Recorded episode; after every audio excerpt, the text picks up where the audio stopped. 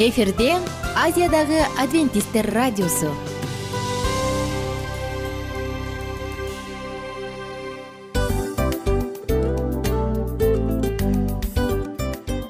Достор салют. Баардык сүйүктүү угармандарыбызга салам айтабыз. Кутман күнүңүздөр менен. Ден соолук өмүрдүн булагы демекчи саламат саамы программасында баарыңыздарды көргөнүбүзгө абдан кубанычтабыз. Анда алгач амандашып өтөлү арбаңыздар деп. Ден соолугуңуздар кандай элибизде көбүнчө ден соолук кандай дегенде эле жакшы деп жооп беребиз э? ооруп турсак дагы жакшы дейбиз. Анан мен муну айтып ойлойт элем бул абдан сонун сөз депчи анткени бул жакшы деген үмүт да э баары жакшы болот. Баары сонун. Деп үмүттөнүп атып эле өзүбүздү өзүбүз дарылап коебуз. Анысы кандай? Сиздин дагы ден соолугуңуз жакшы беш деген үмүттөбүз чындыгында ден соолук бул өмүрдүн булагы деп бекеринен айтылган эмес деп ойлойм. Кыргыз элинде анткени эгерде ден соолук жок болсо анда адамдын жашоосунда калган баардык керектүү маңыздуу нерселер өзүнүн баалуулугун жоготуп коет. Ошондуктан ден соолук бул эң керектүү нерсе. Ооба туура айтасың кесиптешим чынында ден соолугуң жок бир эки үч күн ооруп калсаң эле кандай болуп калат? Жашоодо көз каранды болуп каласың көп нерсеге жетишпей каласың көп нерсени кыла албай каласың жада калса эшикке дүкөнгө да чыга албай каласың. Туптуура анан ден соолук болсо демек биз биздин бактыбыз тоодой деп койсок болот. Анда достор саламат рубрикабызды баштайлы. Алдыда өзүңүзгө керектүү болгон сонун кеңештерди уга аласыздар. Мына ошондуктан биз менен бирге болуңуздар. Ал эми биз болсо милан жана айнура. Кеттик алга. Алга саламат саама ден соолуктун жарчысы. Саламат саама ден соолуктун ачкычы. Күн сайын сиз үчүн мыкты кеңештер сонун жаңылыктар кызыктуу фактылар биздин рубрикада.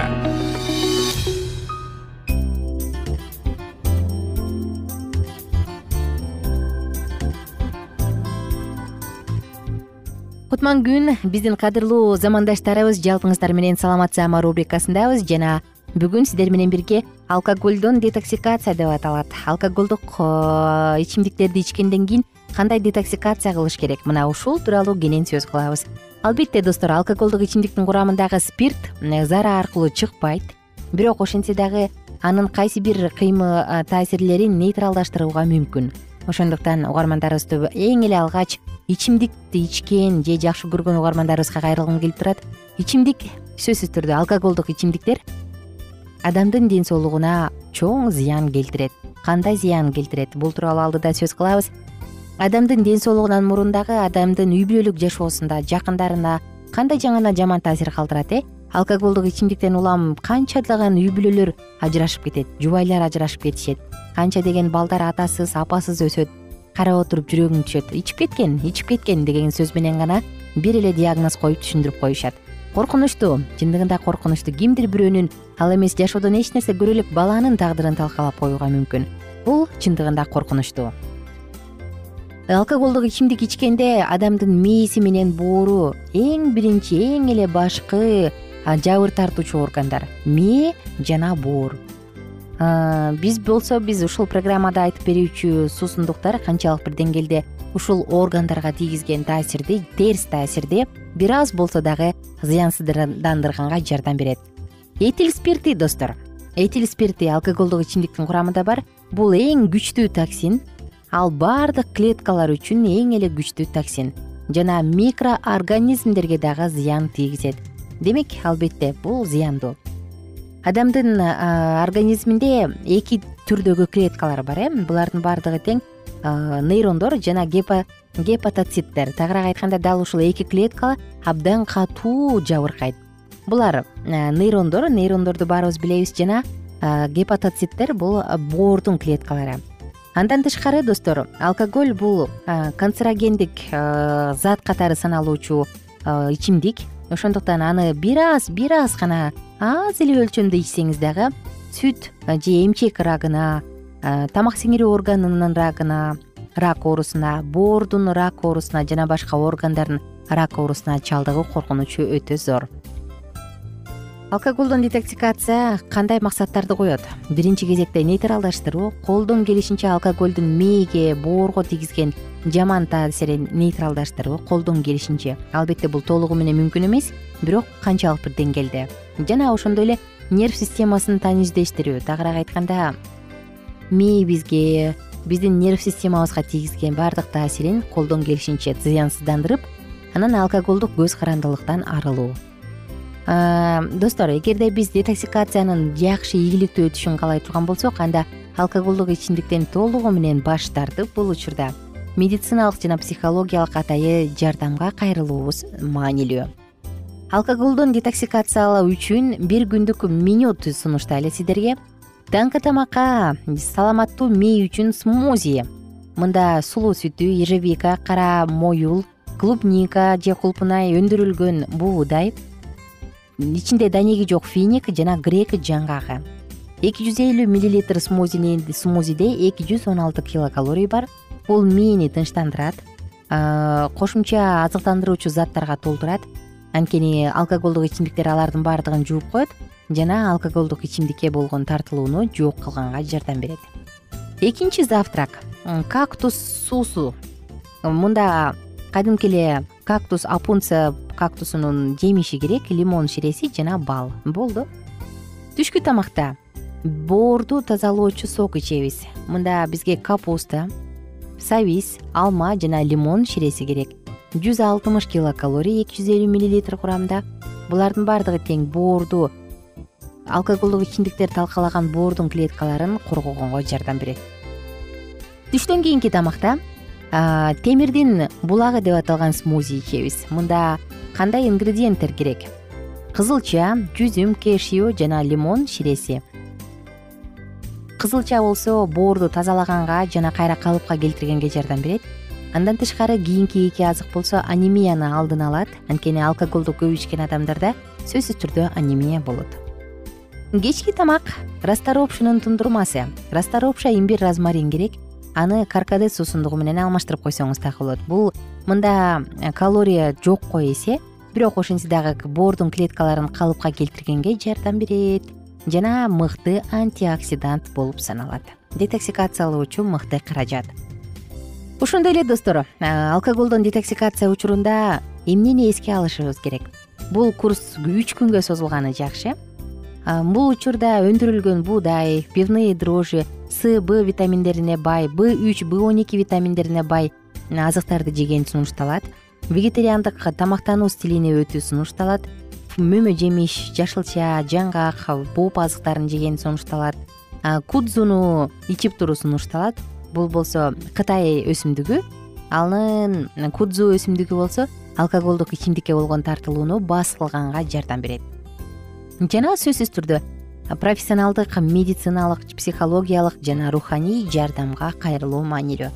Эгерде жакын адамыңыз чылымды таштайын деп турган болсоңуз ай койчу ай ошо сен дегенди айткандын ордуна таштай аласың мен сага ишенем эмне кылып жардам бере алам? деп жакындары дагы психологиялык жактан жардам берүүгө даяр болсо бул сөзсүз биздин ден соолугубузду чыңдаганга жана алкоголдук ичимдикти таштап чылымды таштап жаткан адамга чоң күч кубат берет. Ошондуктан достор алкоголь чылым жана башка ушул сыяктуу зыяндуу зат адаттардан алыс бололу. Булар биздин ден соолугубузду талкалайт ден соолугубузга чоң кедергисин тийгизет. Оорубаңыздар бар болуңуздар. Сиздер менен коштошчу учурга келдим. Саатыбыздын мүнөттөрүбүздүн соңку мүнөттөрүндө айтарым ушул сыяктуу керектүү маалыматтардын баардыгы ден соолукка байланыштуу саламат чекит клуб сайтында кеңири жайгашкан окуңуз тыңдаңыз таанышыңыз жана сөзсүз түрдө ден соолугуңузга кам көрүңүз. Достор кайрадан амандашканча бар болуңуздар. Көңүлдүү күн жемиштүү жеңиштүү күн каалайм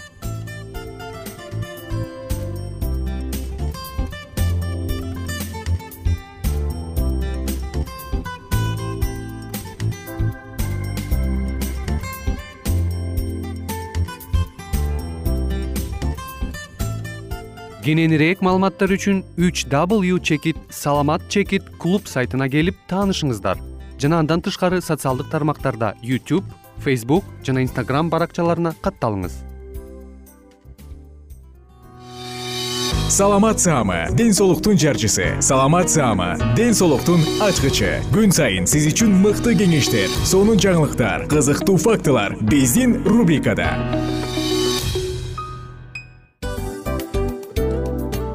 салам достор. Кайрадан биздин сүйүктүү рубрикабызга кош келиңиздер деп айтмакчыбыз.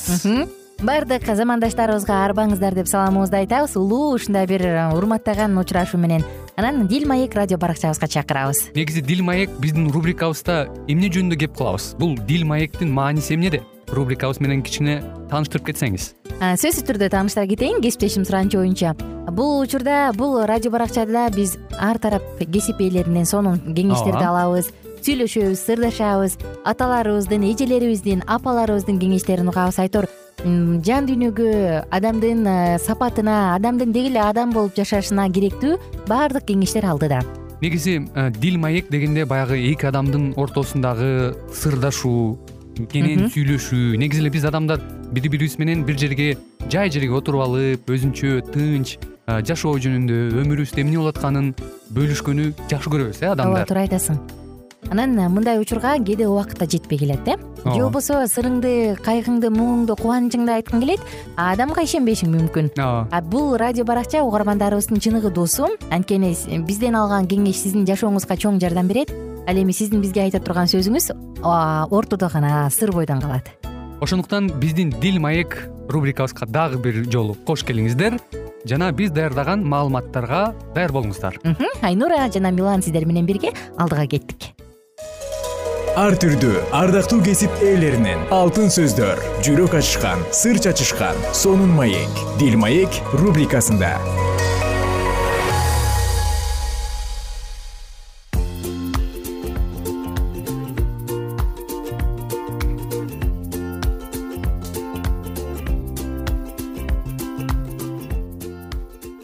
амансыздарбы ардактуу кымбаттуу биздин сүйүктүү угармандарыбыз. Кайрадан эле биз сиздер менен үй бүлө багытына арналган уктуруубузду баштамакчыбыз.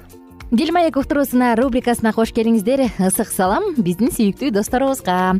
Анан көптөн бери күтүп калышты болуш керек. Эй бул экөө дагы эмнени айтып берет депчи? Эгер бизди күтүп сагынып угуп аткан болсоңуз анда биз абдан кубанычтабыз.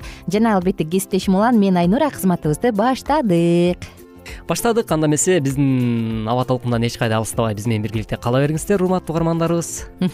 Уланчык эсиңдеби мурунку уктуруубузда биз биздин үй бүлөбүздө эмнеден улам конфликт келип чыкканын айтып бергем э, э уктуруубуздун аяк жагындачы. Жолдошум мага азыраак көңүл буруп көп сүйлөбөгөндүктөн ал негизи өзүнүн натурасы табияты көп сүйлөбөгөн адам да. А мен тескерисинче андан он эсе көп сүйлөйм. Анан э, ошондон улам сен мага көңүл бурбайт экенсиң. Сен мени сүйбөй турбайсыңбы көрсө. Деген тыянакка келип мен чоң конфликт чыгаргам да. Анан ошондон кийин ал ойлонуп а көрсө бул адам турбайбы бул менин көңүл буруума муктаж турбайбы а деп анан көңүл буруп аракет кылып калган да.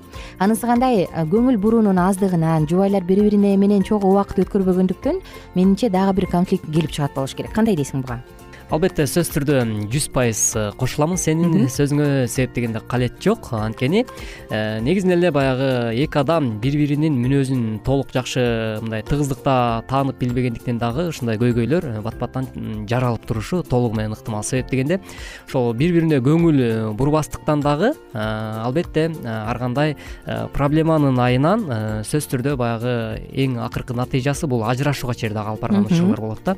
Ошондуктан эркек адам Э, аял кишиби негизи эле бири бирине карата болгон ошол сүйүү сезиминен сырткары эле мисалы жөн эле мамилеси э, баягы бекемдөөнү көбүрөөк аракет ошонун үстүндө аракеттенүү болуш керек деп мен ойлойм да. Бул менин жеке пикирим. Себеп дегенде мен баягы он жылдык жашоомдо дагы тажрыйбамда ушул нерсени көбүрөөк байкадым. Анткени жогоруда өзүң айтып кетпедиңби эркек адамдар көбүнчө бул түнт болот депчи. Ооба алардын натурасы ар кандай болот. Ооба натура ар кандай болот. Ар ким ар кандай камырдан деген. Баягы баардыгы эле бул жерде түнт деп дагы айта албайбыз. Э, мисалы романтикага жакын дагы адам мисалы мырзалар болушу мүмкүн ошол эле учурда ачык шайыр мырзалар бар. романтикага көбүрөөк жакын эмес. Жөн эле мындай өзүмдүн арабамды өзүм тартып эле жүрүп жашай берейинчи ай койчу ай сүйүү дегендер бар э керек болсочу ишенбегендер да бар да мисалы үчүнчү.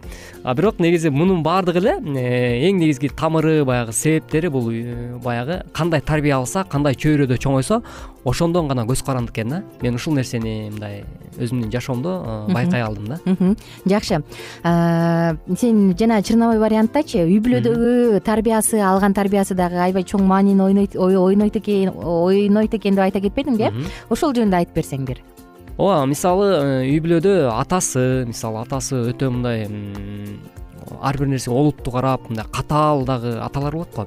Сталин сыяктуу болгон аталар аял аял кишилерге көбүрөөк сүйлөшпөш керек катаал кармаш керек катуу кармаш керек дегендер бар. эркексиң мындай катуу кармашың керек сен деген олуттуу сүйлөшүң керек ал аялдын ички жан дүйнөсүнө кирип керек эмес деген сыяктуу дагы көз карашты карманган ошондой үй бүлөдө тарбияланган балдар э, албетте кийин турмуш кургандан кийин ошол эле нерсени баягы үй бүлөсүнө өткөрүп берет экен да. Мисалы баягы кыргыз элинде эле айтат го уядан учканда эмнени көрсө учканда ошону алат деген сыяктуу эле кеп да ал эми мисалы э, менин өзүмдүн жеке жашоомду карап келсем менде кандай болду? Мен деле негизи оор басырлыктуу мындай э, көрүнгөнүм менен жашоодо бирок мындай балалык чакта мен баягы атанын тарбиясын көргөн жокмун. Көбүнчө баягы айымдар менен жашадым да. Мындайча айтканда мага эне тарбия берди. Апам тарбия берди анан сөзсүз түрдө эжем анан баягы аял кишилер көбүрөөк жүрөгү назик жумшак болот го. Анан жумшактык сезимдер менде көбүрөөк калгандыктан баягы аял кишинин мындай көңүлүн оорутуп койбоймунбу деп баягы үйлөнгөндөн да мындай аябай аяар мамиле кылганга аракет кылчу элем да. Э, мындай э, кичине бир аз катаалдыкка аракет кылып баратып бирок эмнегедир өзүм мындай жүрөгүм чыдабайчы. Жок баягы аял кишинин көңүлүн таба билиш керек көбүрөөк мамиле кылыш керек деп. Анан сөзсүз түрдө ошо аял кишинин көңүлүн таба билүүдө дагы э, баягы аны менен көйгөйлөрдү чечүүдө чогуу биргелешип мамилелешүүдө э, биз мисалы кээде ойлойбуз да э, аял кишини мындай көңүлүн көтөрүш үчүн кафе ресторандарга алып барыш керек дейбиз да. Бирок э, бул нерсенин деле кээде кереги жок да. Э, жөн эле үй бүлөдө мисалы э, аялың жумуштан кечигип келе турган болсо сен ошол күнү үйдө болсоң балким тамак жасап күтүп ал. Ошол аркылуу көңүлүн ал дегендейчи мен мындай мырзаларга аябай баа берем да. Ушул ыкмаларды колдонуп мен мындайча айтканда баягы жубайымдын үй бүлөдө мындай көңүлүн тапканга көбүрөөк аракеттендим десем болот да. Ошондуктан бул никелик жашообуз мындай бүгүнкү учурда мындай Э, кудайым сактасын мындай ошол кудайдын колдоосу менен бекем болуп келет. Албетте бул менин өзүмдүн баягы кыйындыгымдан улам эмес бир нерсени билип алгандыгымдан улам эмес. Тескерисинче э, биз ушул нерсени мындай туура бири бирибиздин көңүлүбүздү таба билели мүнөзүбүздү оңдойлу деген эле иш аракет. Негизи эле никелик жашоо үй бүлөдөгү жашоо бул өзүнчө искусство э өзүнчө бир чеберчилик керек өзүнчө бир өзгөчөлүк керек анан мен ойлойм да. Мен ушундай болчумун ушундай кандай болсом ошондой кабыл ал деген болбойт деп. Жакында бир психолог айым менен сүйлөшүп калсам ал айтат менин жолдошум дейт. «Э, экөөбүз сүйлөшүп жүргөндө көлдүн жээгине үстөл коюп жанагы тасмалардагыдайчы романтикалык жагдайды түзүп үстүнө свечаларды шамдарды күйгүзүп абдан сонун белектерди берип аябай башкача көңүл бурчу дейт. Анан мен турмушка чыккандан кийин анын бири жок дейт. Анын баары жомок болуп калды дейт да.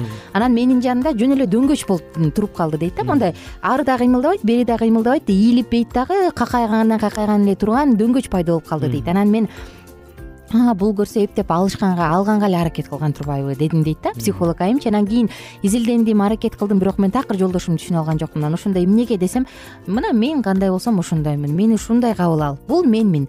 А мен мурун сага аракет кылгам жүрөгүңдү багындыргым келген дептир да. Анан мен ойлойм бул негизи бир аз туура эмесирээк депчи. Бул эми алдаганга деле жатып калат го деп ойлоп кетем кээде бирок ким билет кандай экенин. Сөзсүз түрдө э, сөзсүз түрдө анда биздин убактыбыз соңуна келейин деп калдык конфликттердин себеби эмнеде болушу мүмкүн? Дагы биз кийинки уктуруубузда улантабыз. Буга чейин акча каражаты жөнүндө айттык э. Буга чейин көңүл буруунун аздыгы жөнүндө жана келинчектин жүрөгүн сөзсүз багындырыш керек деп кесиптешим айтып кетти мына ушул жөнүндө болду. Кийинки уктуруубузда улантабыз.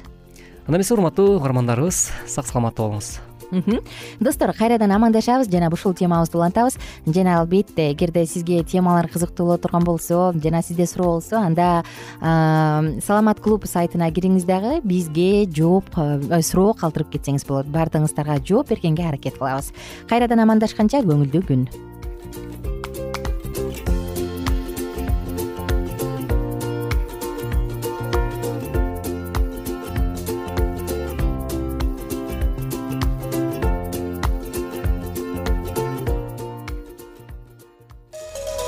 ар түрдүү ардактуу кесип ээлеринен алтын сөздөр жүрөк ачышкан сыр чачышкан сонун маек. Бил маек рубрикасында.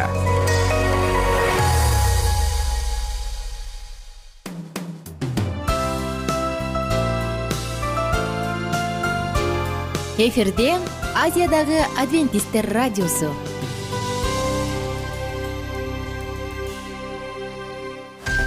жан дүйнөңдү байыткан жүрөгүңдү азыктанткан жашооңо маңыз тартуулаган жан азык рубрикасы.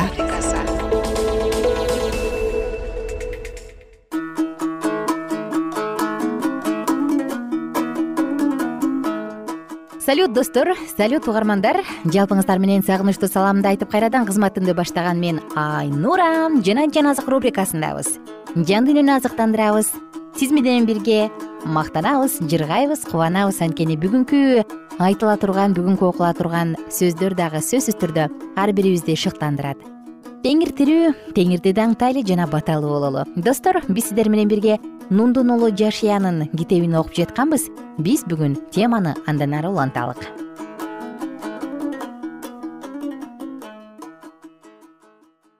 Нундун уулу жашия онунчу бөлүм жыйырма сегизинчи аяттан ары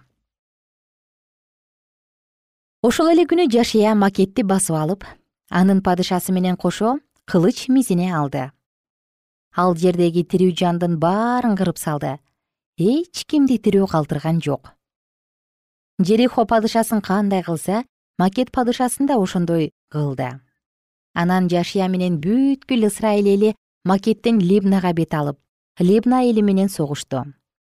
Теңир аны да анын падышасын да ысрайылдын колуна салып берди. Жашия аны жана анда жашаган адамдарды кылыч мизине алып кырып салды.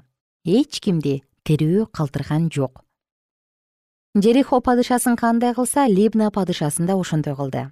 Анан жашия ысрайыл эли менен либнадан чыгып лакишке бет алды. Анын жанына станын жайгаштырып аны менен согушту. Теңир лакишти да ысрайыл элинин колуна салып берди ал аны экинчи күнү басып алды да либнаны кыргандай аны жана анын анда жашаган адамдарды кылыч мизине алып кырып салды. Ошондо лакишке гезер падышасы урам жардамга келди. Бирок жашия анын өзүн да элин да кылычтан кырып эч кимди тирүү калтырган жок. Анан жашия ысрайыл эли менен лакиштен чыгып эглонго бет алып анын жанына станын жайгаштырып аны менен согушту аны ошол эле күнү басып алып кылыч мизине алып кырып салышты.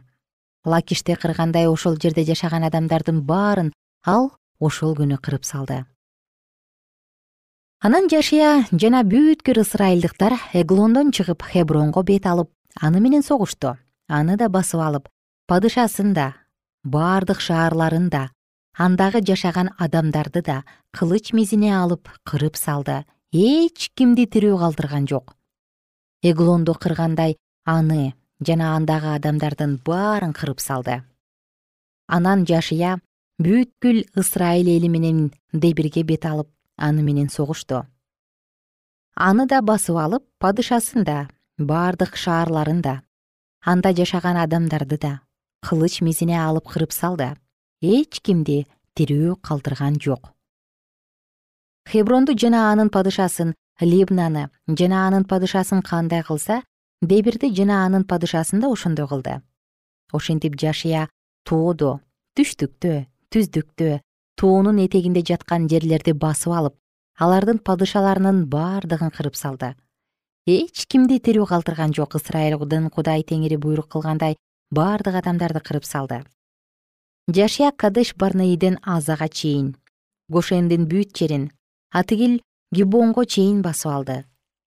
Бул падышалардын бардыгын алардын жерлерин жашия бир жүрүшүндө эле басып алды. Анткени ысрайылдын кудай теңири ысрайыл үчүн өзү согушту. Анан жашия менен ысрайылдыктар гилгалдагы станга кайтып келишти. Он биринчи бөлүм. Мына ушуларды уккан хатсор падышасы жабин мадон падышасы жубабка шимрон падышасы менен акшап падышасына түндүк тараптагы тоодо кинареттин түштүк тарабындагы түздүктө ойдуңдарда күн батыштагы напат дордо жашаган падышаларга чыгышта деңиз жакта жашаган канаандыктарга тоодо жашаган аморлуктарга кеттиктерге перздиктерге жебустуктарга жана хемрон тоосунун этегиндеги миспа жеринде жашаган хибиликтерге чабармандарын жөнөттү. Ошондо алар бүт кошуну менен көптүгү деңиз жээгиндеги кумдай болгон көп сандаган эли менен жөнөштү. Аттар да. Аттарга чегилген майдан арабалар да өтө көп эле. Бул падышалардын баары ысрайыл эли менен салгылашыш үчүн чогулуп мейром суусунун боюна жайгашышты. Ошондо теңир жашияга мындай деди. Булардан коркпо. Анткени эртең ушул убакта мен булардын бардыгын ысрайыл уулдарынын колуна салып берип кыдыртам булардын аттарынын тарамыштарын кесип арабаларын өрттөп салгыла. Жашия согушка жарактуу бардык эл менен мыйром суусунун жээгинде аларга капыстан кол салды. Теңир аларды ысрайылдыктардын колуна салып берди. Ысрайылдыктар аларды кырышты. Улуу сидонго чейин мисрепот майимге чейин чыгышты карай кеткен миспе өрөөнүнө чейин кууп барышты. Алардан эч ким тирүү калган жок эч ким качып кутулган жок. Жашия теңир айткандай кылды. Аттарынын тарамыштарын кесип майдан арабаларын өрттөп жиберди. Анан жашия кайтып келип хатсорду басып алып падышасын кылыч менен өлтүрдү. Ал жерде жашаган бардык адамдарды кылычтап кырып салды. Бир да жан тирүү калган жок. Хатсорду болсо өрттөп жиберди. Кудай теңирдин кулу муса буйругандай жашия бул падышаларды бардык шаарлары менен каратып алып аларды кырычтап кылып салды. Бирок ысрайылдыктар бийик жерде турган шаарларды өрттөшкөн жок. Жашия хатсорду гана өрттөп жиберди. Бул шаарлардагы мал мүлктү ысрайыл уулдары талап алышты. Кишилерин болсо кылычтап кырышты. Бардыгын тукум курут кылышты. Бирин да тирүү калтырышкан жок. Теңир өз кулу мусага кандай буйруса муса жашияга так ошондой буйрук кылган. Жашия болсо муса айткандай кылды. Жашия теңирдин мусага буйругандарынын бирин да аткарбай койгон жок.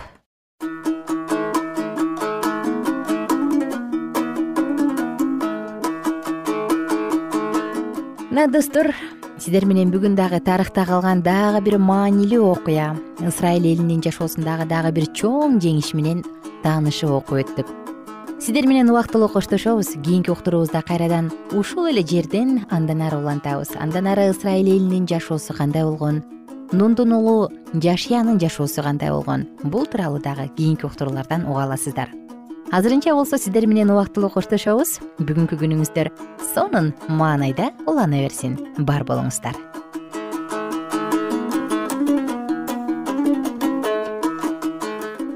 Эгер сиздерде суроолор болсо же көбүрөөк маалымат билем десеңиз анда биздин whatsapp номерибизге жазыңыз. Плюс бир үч жүз бир жети жүз алтымыш алтымыш жетимиш. Кайрадан плюс бир үч жүз бир жети жүз алтымыш алтымыш жетимиш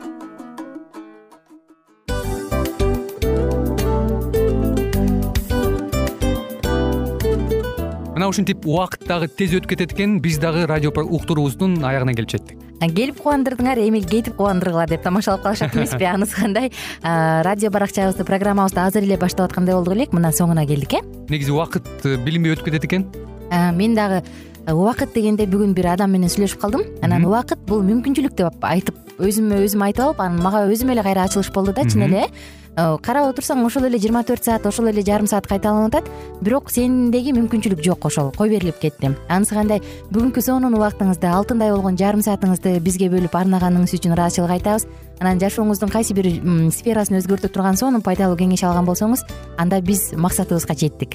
Анан ушул нерсени кылбасам десеңиз ошол өзгөрүүлөрдү кичинекей кадамдардан баштап иш жүзүнө ашырыңыз дагы жашооңузда чоң чоң ийгиликтерге жетиңиздер чын жүрөктөн ар бир берилген кеңештер сөздөр сиздерге пайдасын алып келет деп ишенебиз. Жана кийинки уктурууларда сөзсүз түрдө чыдамсыздык менен сиздерди күтөбүз.